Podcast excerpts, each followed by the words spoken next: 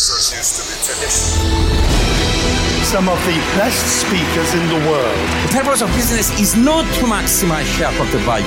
Whoever told you that, shoot them. It brings together so many people and creates this high energy environment. Powerful speakers, powerful audience. Dette blir en fantastisk liten episode om det nye Norge og hva som kjennetegner morgendagens vinnere. Så det er en OBF-podkast spesial med to fantastiske gjester. Anita Krohn Traaseth, velkommen. Tusen takk. Trond Ribe Knutsen, velkommen til deg. Tusen takk. Når jeg gjorde en liten sånn kjapp bakgrunnssjekk på dere to, så, så blir det, jeg blir helt sånn ydmyk og veldig takknemlig for at dere tar dere tid til dette. Anita, du er jo en kjent næringslivsleder. Du er spaltist og forfatter, foredragsholder og podkastvert. Og skuespiller.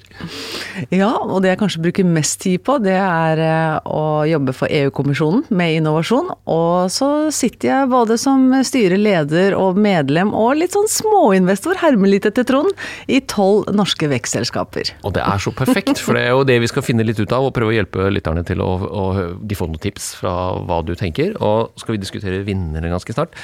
Trond, McKinsey-konsulentbakgrunn, snart 30 år har jeg sett på LinkedIn-profilen din og en etablert og kjent uh, investor og en talsperson for at dette kan læres. Jeg vet at du av og til sier uh, ja, du må gjerne høre på hva jeg sier, men ikke gjør som jeg gjør. er ikke det riktig? ja, det er litt for sent, ja. ja. Det er veldig fint å være her. Um, jeg har jo på en måte en veldig sterk interesse i å være med på å drive frem på en måte, neste generasjon næringsliv i Norge. Eh, spesifikt, og da også Øst-Afrika, hvor jeg er veldig aktiv. Eh, og jeg fant vel egentlig ut at du får ikke det til gjennom bare å putte penger inn i de gamle, store statseide bedriftene i Norge. Vi er nødt til å promotere reelt entreprenørskap, noen ganger i skarp konkurranse med det etablerte. Og det passer egentlig godt for meg, som liker å være litt sånn outsider og enfant terrible. Eh, litt annerledes. Eh, og jeg har egentlig tatt den posisjonen i Norge de siste seks-syv årene etter jeg sluttet med Kinsey. Og det har vært eh, utrolig givende. Mm. Takk. Jeg begynner med deg, Anita. Fordi etter at du sluttet i Innovasjon Norge, som du ledet i fem år, mm. så har du altså, spredt deg ut på mange arenaer, og så er du også sentral i dette EU-arbeidet. Når du tenker på det nye Norge og det å plukke vinnere, eller se på vinnere, hva, hva er det du tenker på da? Ja, altså vi jobba jo veldig mye med det her i Innovasjon Norge-perioden, og det var jo altså det, de årene 2014. Det var jo egentlig da Norge fikk en skikkelig oppvåkning. Vi fikk det jo mye seinere enn alle de andre europeiske landene, og det handla jo om at oljeprisen vår ble halvert. Og da, jeg glemmer ikke den setningen som daværende sentralbanksjef, nå har jo nå har jo han slutta, nå har vi fått ny sentralbanksjef, Øystein Olsen. Han sa den setningen som i hvert fall ga meg en sånn skikkelig marsjordre, og resten av Norge også. Han sa nå går vi fra særstilling til omstilling. Og det det handler jo om, det er at det som kanskje var dagens og eh, fortidens vinnere, er ikke de samme spillerne, og det er ikke de samme resultatene eh, som vi skal se etter i, i framtiden. Så da begynte vi å gjøre et ganske massivt arbeid i Innovasjon Norge. Vi var superglad for at Trond kom på banen, at han kom hjem, kan vi si det. Du kom hjem i grevens tid. Fordi vi trengte Vi hadde ikke noe særlig historikk i Norge for dette her med å være engleinvestor og, og ha fokus på de små bedriftene. Så maktbalansen den snudde seg litt grann fra de store store som var premissgivere for alt som skjedde i næringslivet, til de små. Og da eh, lanserte vi faktisk en rapport som het eh, Ti innspill til ny retning for Norge. Og da var vi nok ganske vågale og pekte ut noen næringer og kompetanser og basert på hvilke forutsetninger har Norge som land til å konkurrere internasjonalt. Det er ikke alle områder vi har et konkurransefortrinn, men det er noen spesielt innenfor energi f.eks. Så vi da fikk tilbakemeldinger fra både gründere, storbedrifter, eh, arbeidsgiverforeninger, sånne som Trond, på hvilke næringer kan vi se for oss kan bli vinnere eh, i, i framtiden. Og det handler jo om å peke retning for meg. Fordi dette vinnergamet som vi er i, vi vet at 70% kommer til å gå rett vest. Vi vet at mesteparten av det vi holder på med, kommer ikke til å vinne. Eh, da må vi være ganske tydelige på at vi tør å satse og ha noen big bets, eh, og at vi er oppegående i forhold til retning. Så jeg er mer opptatt av retning, egentlig. Og så på basis av det så kan man jo identifisere noen likhetstrekk, Trond, i forhold til hvem er det som vinner og ikke. Jeg skal følge opp det. Men du må jo pick some bets og helst vinne, Trond. Absolutt. Eh, eh, Jeg tror for det første at vi ut av Norge kan fortsette å bygge ledende, vinnende globale selskaper. Det som ofte er nytt nå, er jo at de nesten alltid har en annen type digital teknologi i kjernen. Eh, Og det at de har det, gjør det at det aller viktigste i dag er å få det riktige talentet inn. Husk på at denne digitale kompetansen er egentlig tilgjengelig for alle. Du kan ofte få den gratis. Eh, Det som er viktig, er talentet. Eh, Og derfor vinner du hvis du klarer å attrahere de. Eh, og det skjer veldig ofte i mer entreprenøriske selskaper, hvor du kan skape spennende jobber for de aller beste menneskene. Du kan skape produkter og tjenester som er med på å løse de store utfordringene for verden i fremtiden. Frem imot eh, klimaskiftet, frem imot en verden hvor vi må være mer utholdbare mot eh, kriser og omstilling, så er det veldig ofte det, det, den type entreprenørskap som er nødvendig. Og da har du vinnende selskaper som typisk ikke kanskje tenker på at de skal liksom vinne mot konkurrenter, men de tenker på å vinne med tanke på å bygge sterke posisjoner, sterke økosystemer, og de er nesten alltid globale fra dag én. Husk på at når teknologi er i kjernen, så er det ikke mulig lenger å gjemme seg bak en annen type mur i Norge. Du er nødt til å tenke globalt fra første øyeblikk. For at alle bransjer, industrier og segmenter blir globale når det er teknologi i kjernen. Så det er noen av de elementene i vinnende eh, si, selskaper i fremtiden som vi er opptatt av. Og litt av grunnen til at vi tror at så mye av fremtidens kraft ligger i entreprenørskapet, og ikke så mye i de etablerte selskapene. Når du snakker om talent, tenker du umiddelbart da på unge, nyutdanna, sultne 20-åringer som skal utfordre det bestående? Ja, du vet at eh, talent kommer i så mange ulike variasjoner. Eh, og jeg tror at eh, både Anita og jeg deler jo en sterk, eh, du vet eh, eh, på mange måter drivkraft rundt at talent er mangfoldig. Eh, slik at det går mer på å, å finne de riktige personene med riktig kompetanse og bakgrunn for den oppgaven du leter etter.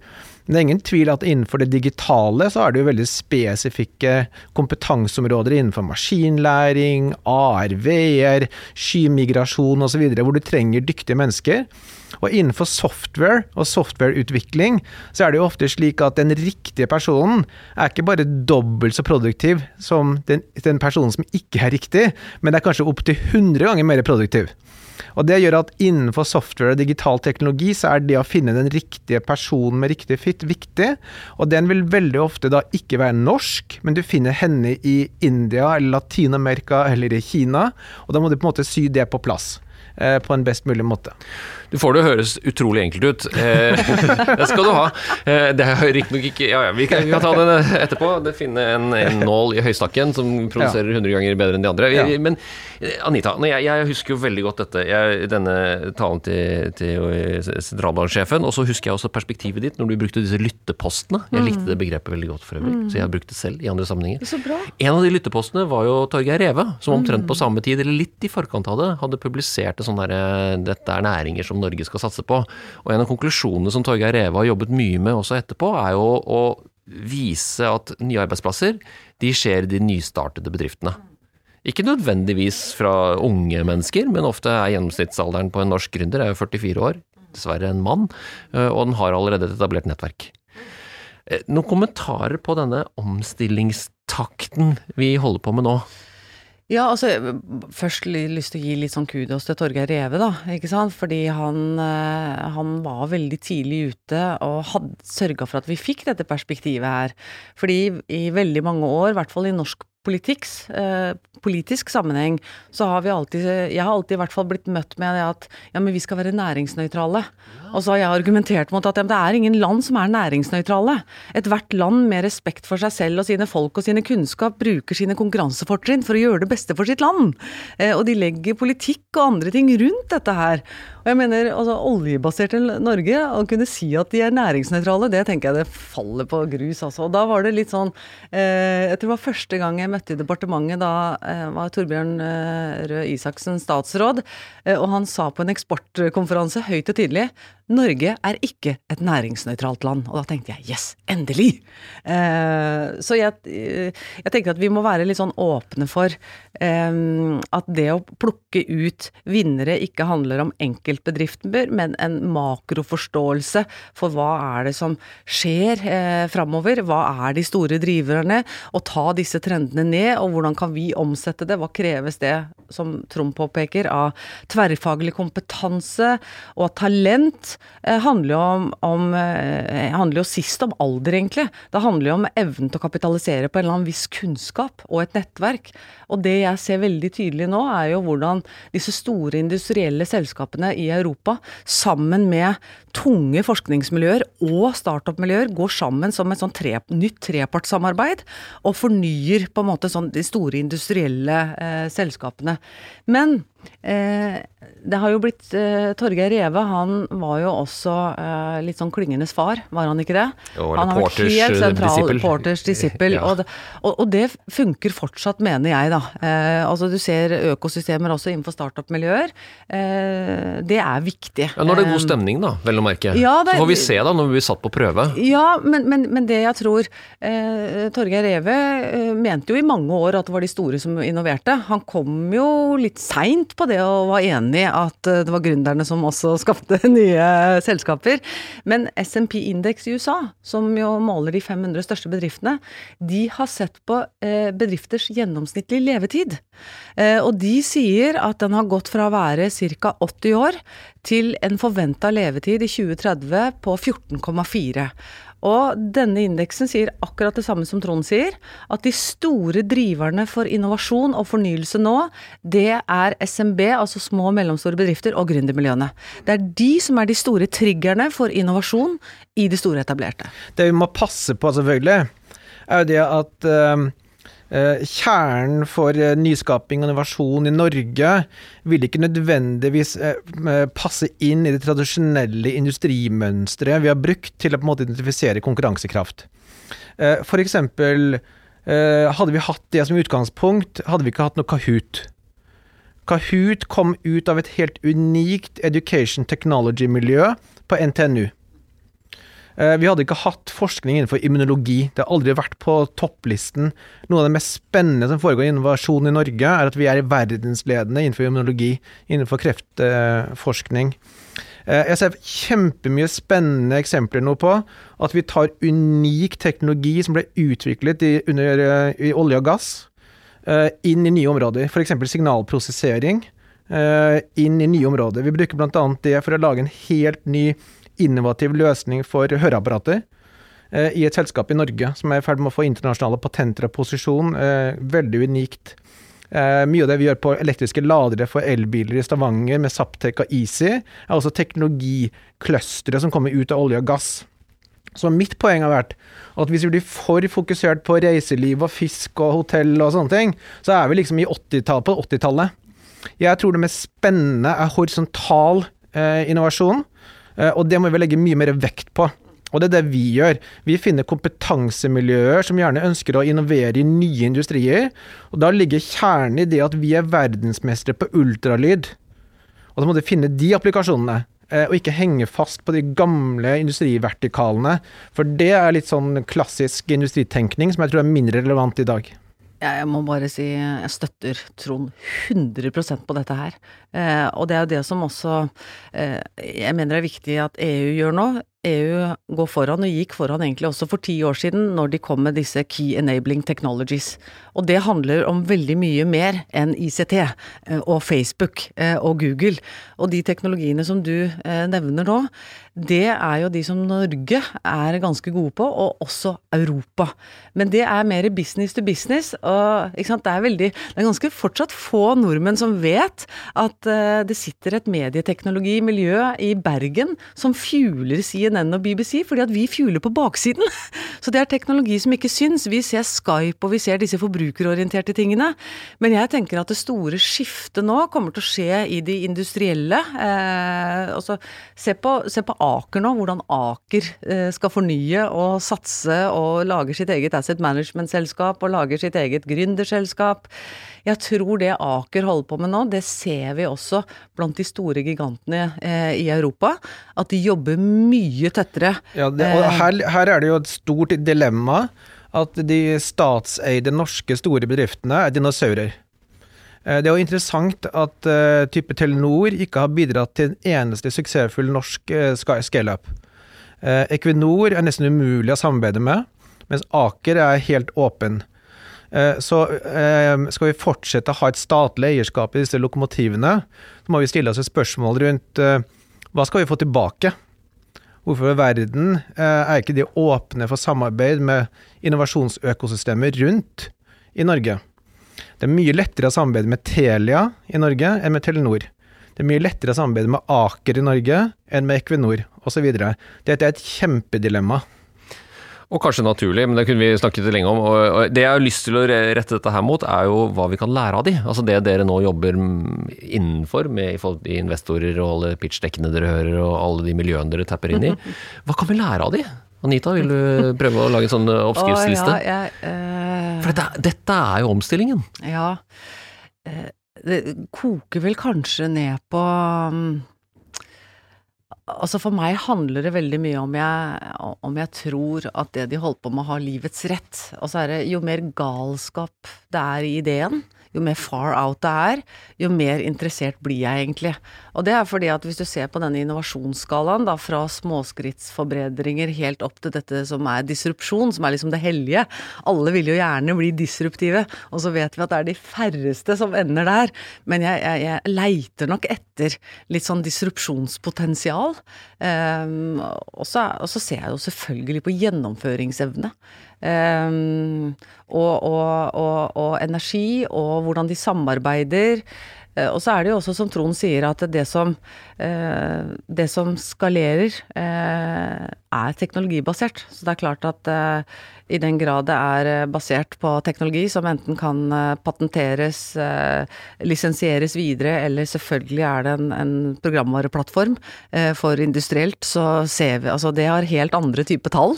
Så det er klart at jeg ser jo på det som kan skaleres globalt fra dag én. Eh, og at jeg tror den Jeg vil kanskje utfordre også den der ideen om at man må teste hjemmemarkedet først. Hva er hjemmemarkedet? Eh, er det Oslo, liksom? Eller Trondheim, eller eh, Ja. Og Hvorfor kan man ikke gå rett ut, Trond?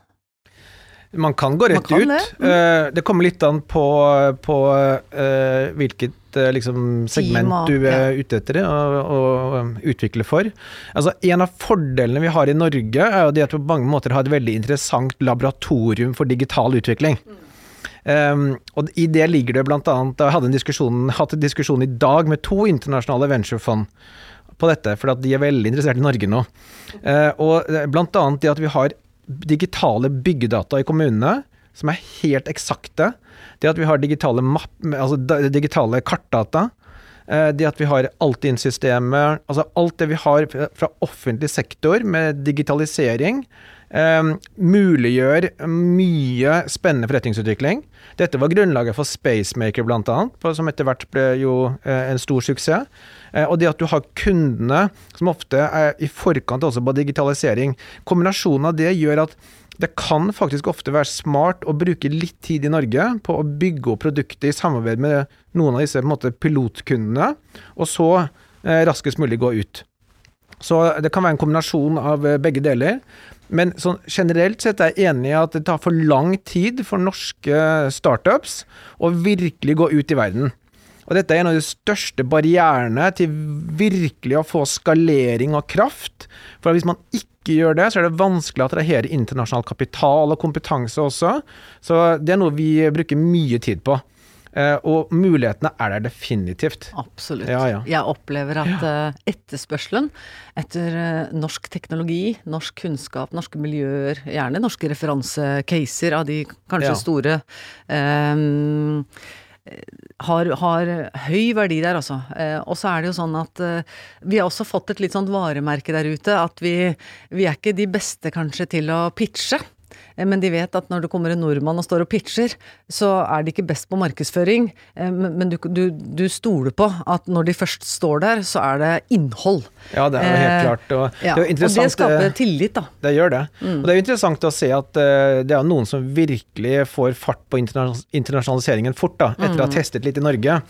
Et godt eksempel er jo Otovo med Andreas Thorsheim, som i prinsippet brukte den tilgangen til digitale byggedata og kartdata sånn for å lage sin modell her i Norge for å matche de som vil ha solar på taket, med de som kan levere. En marketplace.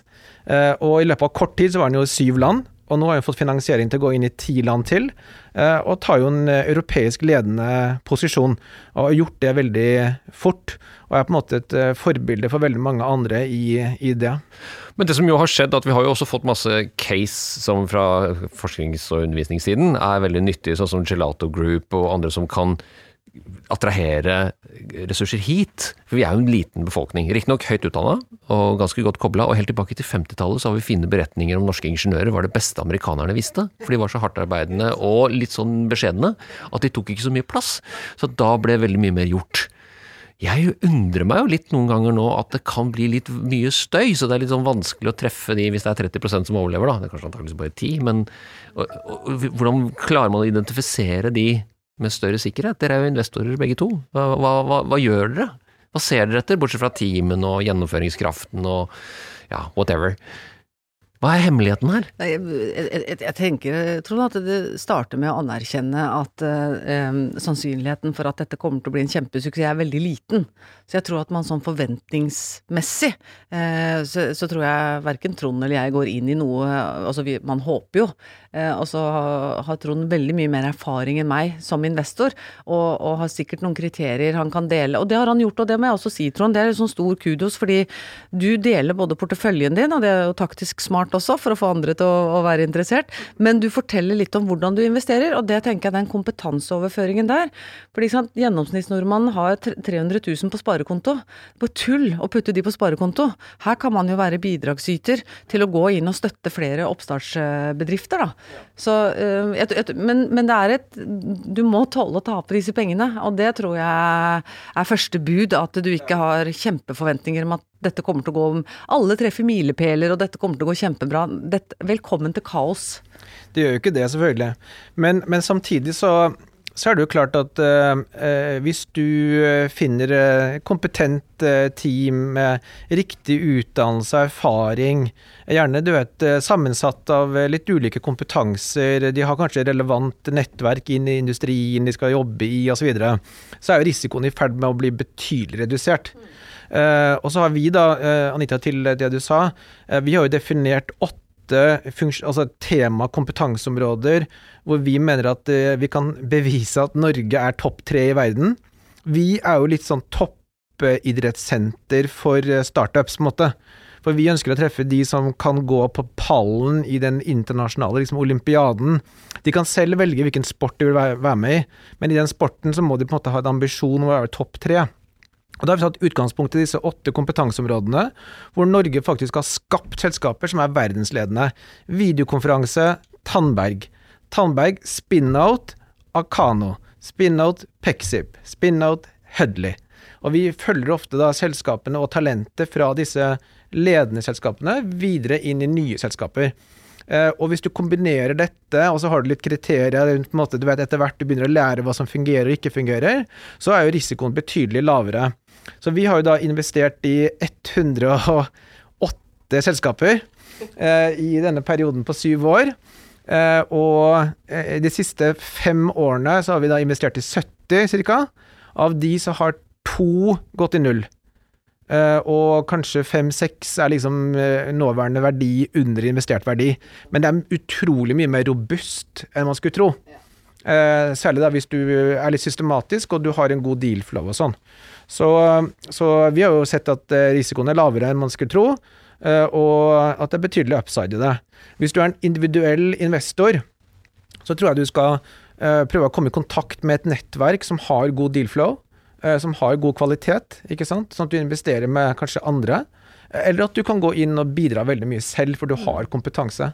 Og det Eh, er den strategien ja, jeg har. Mm. har, da. Eh, Jeg har jo ikke da en stor portefølje, eh, men jeg lærer jo mye ved å både se på Tronds portefølje, men også de porteføljene som jeg har hatt ansvar for, for å se liksom Ja, hvordan kan man balansere risiko i en portefølje? Men jeg velger da å gå inn i styrene. Og kan ha direkte påvirkning, også veldig mye på grunn av læringens side. Fordi eh, jeg har jo ikke noen ambisjon om å være gründer selv, men jeg har jo vært med og bistått veldig mange gründere i mange, mange år med en annen Altså, jeg kommer fra corporate-verden. Så det å Så jeg, jeg syns at den kompetanseoverføringen også, og nå, nå begynner jeg å se litt sånn likhetstrekk, da, på Hvis vi skal tenke vinnere, sånn eh, Det som særmerker eh, de jeg har tro på, er at de, de har uttalte eh, ambisjoner, eh, og de er villige til å ta de grepene for å skaffe seg den posisjonen. Som f.eks. skal man inn i et nytt marked, så bruker man penger og investerer for å kjøpe seg inn kontrakter for å få en entry inn i disse markedene. Så det er noen sånne taktiske eh, forretningsgrep, da, hvis vi kan snakke om det. Um, som jeg syns gjenkjenner en del av de gode, gode gründerne som får til ting. De, de, de forstår forretning, altså. Eh, For, for det, er et, det er et langt eh, strekk eh, i laget i Norge for alle de som ikke helt vet hvordan man etablerer et AS, til de som er supergode på finansielle instrumenter og M&As og Og dette har jo skjedd på veldig kort tid. Altså, Det har skjedd på kjempekort tid. Skulle vi tatt en reise tilbake for 20 år siden, så hadde alle stått her og lurt på hva er det vi prater om. Ja, ikke sant? For de var ikke så interessert i det heller. Og da Ja. var det jo big corporates som drev med dette. Nettopp. Inni the black Ja. box. Men det, det, i og med at vi nå havnet på sånn diskusjon om gründerskap, så må jeg, også jeg si fra altså Forskningen er veldig entydig på det. Gründere tar ikke risiko, de tar kalkulert risiko ut ifra at de stoler på de dataene de har. Og det er for å følge opp det Trond sier, ikke sant. Hvis du har gjort dette en gang eller to, så vet du jo hvilke bestanddeler i det teamet eller den riggen du må endre. Det som er så utfordrende, er at selv om dette her kan øves på, så Ja, ja nå vet dere hva som kommer! Why? Why? Hvorfor ikke? Ja, Der har du det- det- det er jo- Ingen har jo klart å lage liksom, den der regnemodellen som forteller deg eksakt uh, hva som lykkes og ikke lykkes. Det er så mange elementer i å bygge et selskap. Og det er så mange variable. Og så mange ting som kan gå galt. Eh, og det tror jeg på en måte gjør at eh, ingen har på en måte utviklet den egenskapen at du på en måte kan være helt sikker på at dette teamet kommer til å lykkes. Det vet vi jo. Så selv verdens beste venturekapitalfond skriver jo over halvparten av sine investeringer. Eh, og det er ikke det som skiller de gode og de dårlige. Det er stort sett om du klarer å være med på de ordentlig gode casene. Og være med på å få de til å, å, å bli ordentlig store og suksessfulle. Så det, det, implikasjonen av det er jo at du nesten utelukkende lykkes hvis du har liksom en portefølje. Uh, og det, det samme gjelder jo corporate venture capital også. De også må eh, bygge en eh, portefølje av investeringer, og så i prinsippet um, følge opp den veldig aktivt. Uh, og det er noe jeg jobber mye med selskaper i Norge på. Å etablere den type ventureaktivitet. For mens det var etter, etter eh, dotcom-boblen så ble det jo upopulært å ha corporate venturekapital, og de solgte porteføljene og sånne ting. I dag er det åpenbart at alle store selskaper må engasjere inn i dette økosystemet. Og da er også corporate venturekapital blitt eh, veldig viktig igjen, da. Men jeg tror aldri vi kommer til å finne den eh, formelen, selv om den er en sånn etterlengta ønske. Og det tror jeg handler rett og slett om at dette er mennesker. Og vi er irrasjonelle. eh, Og selv om omstendighetene rundt oss endrer seg, så endrer ikke vi oss eh, nevneverdig. Du er jo historiker, dette kan du sikkert mer om. Men eh, det er veldig mye irrasjonalitet som ligger bak og kan forklare ulike ting.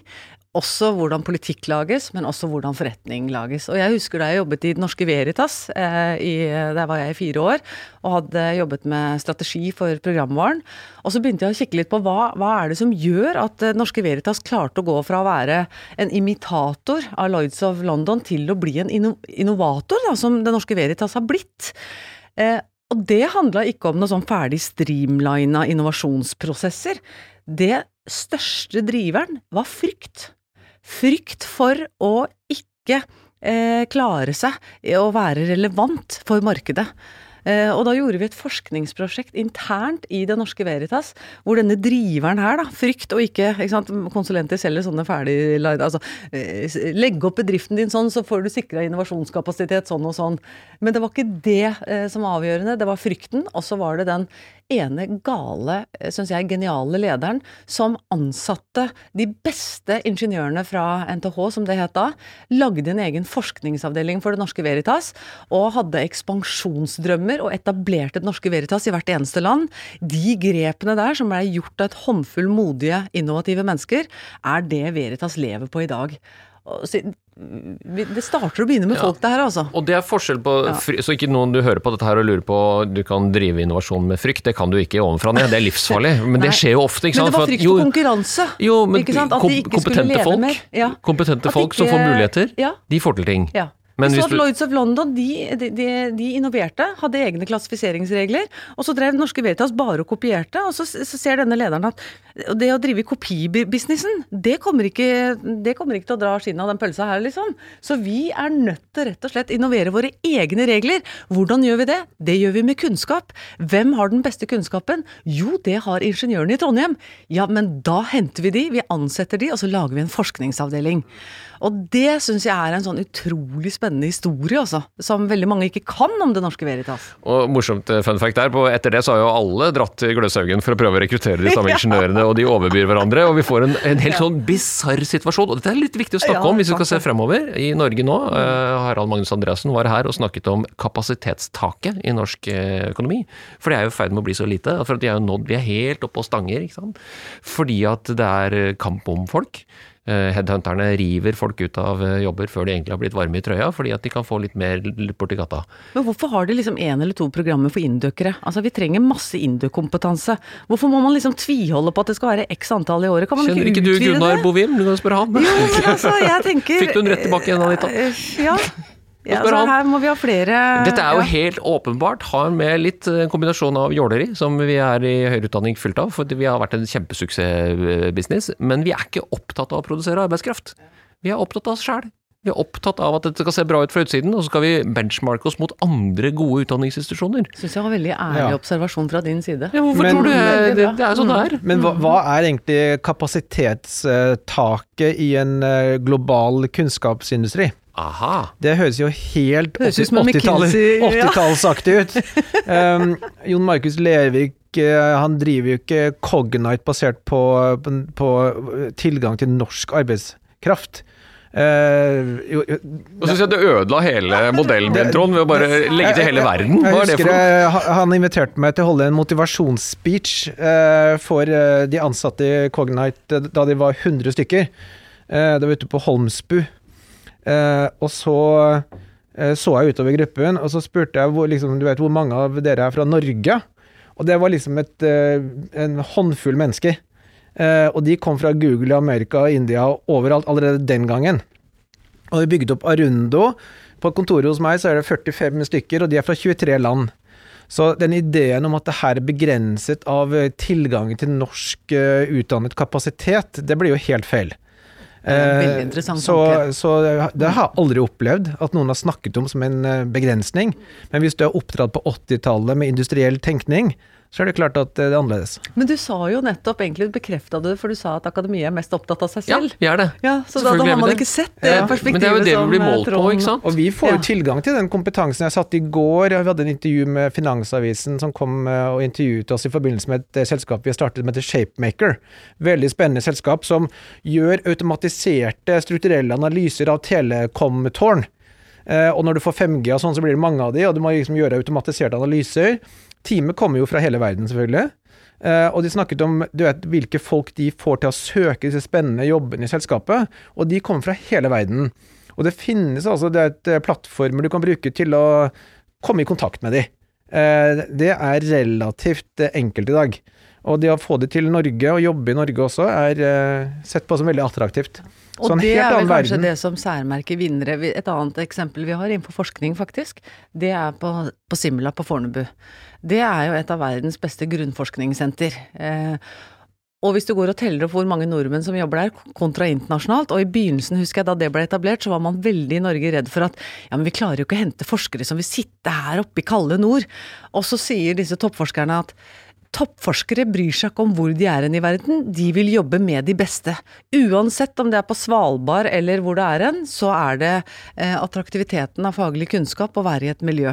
Så jeg tror du har veldig rett i dette her. Altså, det, det, kunne vært fint om man fått en sånn oppfølgingsdebatt på. Det skal vi få, og du har helt rett. Flinke folk eh, tiltrekker seg andre flinke folk. Og, og den, men den galskapen likte jeg veldig godt, for det tror jeg nok kjennetegner mang en eh, person som kommer i, i la oss si yrkeskarrieren sin, kjenner på at det må være noe mer jeg kan gjøre. Og, og da har man jo et valg. Man kan jo fortsette å stivne i et partnerskap eller et system eller noe som gjør at man blir der til eh, pensjonsalderen. Eh, Dette var jo grunnen til at vi startet Antler, vårt talentinkubator. Eh, som er unik i verden, som er veldig spennende. Hvor vi på en måte var en gjeng fra McKinsey som så at det er veldig mange som kanskje har 10-15 års erfaring, gode jobber, som drømmer om å starte bedrifter, men som ikke gjør det. Og du gjør det, fordi du gjør det ikke fordi du ikke får komplementaritet med tanke på kompetanse, kanskje ikke en god nok idé, du føler at risikoen er for høy, eh, så du gjør det ikke. Så vi har da laget en modell hvor du kan komme inn i Antler, du får to måneders scholarship, du kan egentlig i prinsippet bare ta en leave of absence fra der du jobber, treffe andre mennesker og skape selskaper. Eh, og så har vi da fond i hver, eh, i hvert, i hver hub, og investere i selskapene. Dette her begynte vi jo i Singapore bare for tre og et halvt år siden og vi er nå i 16 land. Vi har 19 lokasjoner. Og med hjelp av Norad og Norfund så har vi jo til og med startet i Nairobi. Eh, Antler. Så dette var akkurat det vi så. Kjempestort behov for litt hjelp til akkurat den gruppen der til å bli eh, gründere. Og kvaliteten på det som bygges i eh, Antler, eh, overgår eh, i hvert fall mine forventninger. Og nå er det veldig spennende å se eh, det som skjer der. Og vi har en sterk hub også her i Oslo. Fikk vi inn litt bedriftspresentasjon på tampen der. Vi skal oppsummere hva som plukker vinnere. Og jeg har jo lært masse av denne samtalen, som forventet, og hatt, hatt en, en, fin sånn der påminnelse om, eh, om, at det er jo mye som skjer definitivt utafor landegrensene, det er vi enige om. Og, og så er det jo en kombinasjon av det der å våge å lære for det er jo det man gjør. Og så syns jeg det er veldig bra at du minner oss på det, Trond. At de teamene som komplementerer hverandre, har kunnskap og tenker globalt, tenker større. Det er jo det man snakker om. Det har vi jo lest om i årevis. Think big, er det ikke det? Og Selv om det er litt, sånn lite unorsk? Ja, galskap er viktig. Ja, men er det så unorsk, ja. egentlig? Hvordan kom vi hit, da? Altså, Vi kom jo hit fordi at vi var modige nok til å stole på andre som visste noe som vi ikke helt kanskje trodde på. Ja, men hvis du igjen, da, hvis vi ser tilbake på den formen som har bygd Velferds-Norge, da, som vi alle på en måte står på skuldrene til nå, så var det jo ikke galskapen til norske forskere og norske geologer som sa at det fantes olje i Nordsjøen. Altså, norske geologer sendte jo brev til regjeringen og sa at i Nordsjøen finnes det ikke olje. Så kommer nederlenderne, og igjen så vil jeg påpeke det viktigheten med internasjonalt samarbeid. da. Nederlenderne de kom med sine geologer og sa her er det olje, kan vi få lov å bore? De visste det, vet du. Både danskene og nederlenderne så jo det at de der rennene der, de yes. går jo nordover. Så, så jeg, jeg, tror det at det nå mer enn noensinne, også fordi at vi skal inn i en, en fremtid som ikke er så oljeavhengig, så øh, hvis vi mener at øh, internasjonalt samarbeid samarbeid og global tankegang er viktig. Det kommer til å være enda viktigere de neste 50 årene. Det er umulig å være uenig i. Det er helt åpenbart. Um, og uh, det, jo, det, som er bra i Norge, føler jeg, er at uh, de menneskene vi jobber med her, er stort sett veldig internasjonalt orientert. Veldig mange nordmenn har utdannelse fra utlandet, uh, de har kanskje jobbet i utlandet, de har nettverk i utlandet. Så når vi sammenligner på en måte de som er gründere i Norge med gründere i mange andre land i Europa, så er egentlig Norge omtrent ledende i internasjonal innstilling. Husk på, vi har hatt lite hjemmemarked. Nesten alle våre større bedrifter er veldig internasjonale. Jeg sitter i styret i Lærdal Medical, et fantastisk selskap. Jeg tror de har 99% av sin aktivitet utenfor Norge. Det gjelder veldig mange av de ledende norske bedriftene, og folk har vokst opp i de typer miljø og tenker internasjonalt. Så for oss er globalisering, teknologi og innovasjon det gjør oss bare sterkere som nasjon.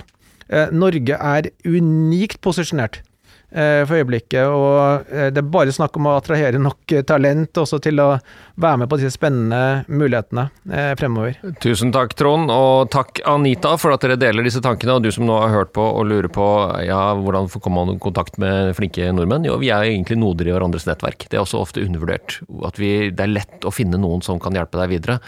Og, og det må du faktisk gjøre, så det er en oppfordring fra meg. Ta kontakt med de du måtte ha lyst til å ta kontakt med, og de vil raskt hjelpe deg videre hvis det er noe hjelp du trenger. Definitivt. Veldig glad for å være til hjelp. Ja, tusen takk til begge to. Tusen takk. Takk, takk.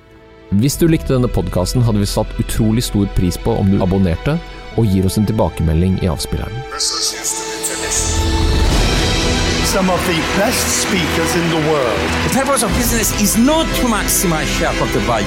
Whoever told you that, shoot them. It brings together so many people and creates this high energy environment. Powerful speakers, powerful audience.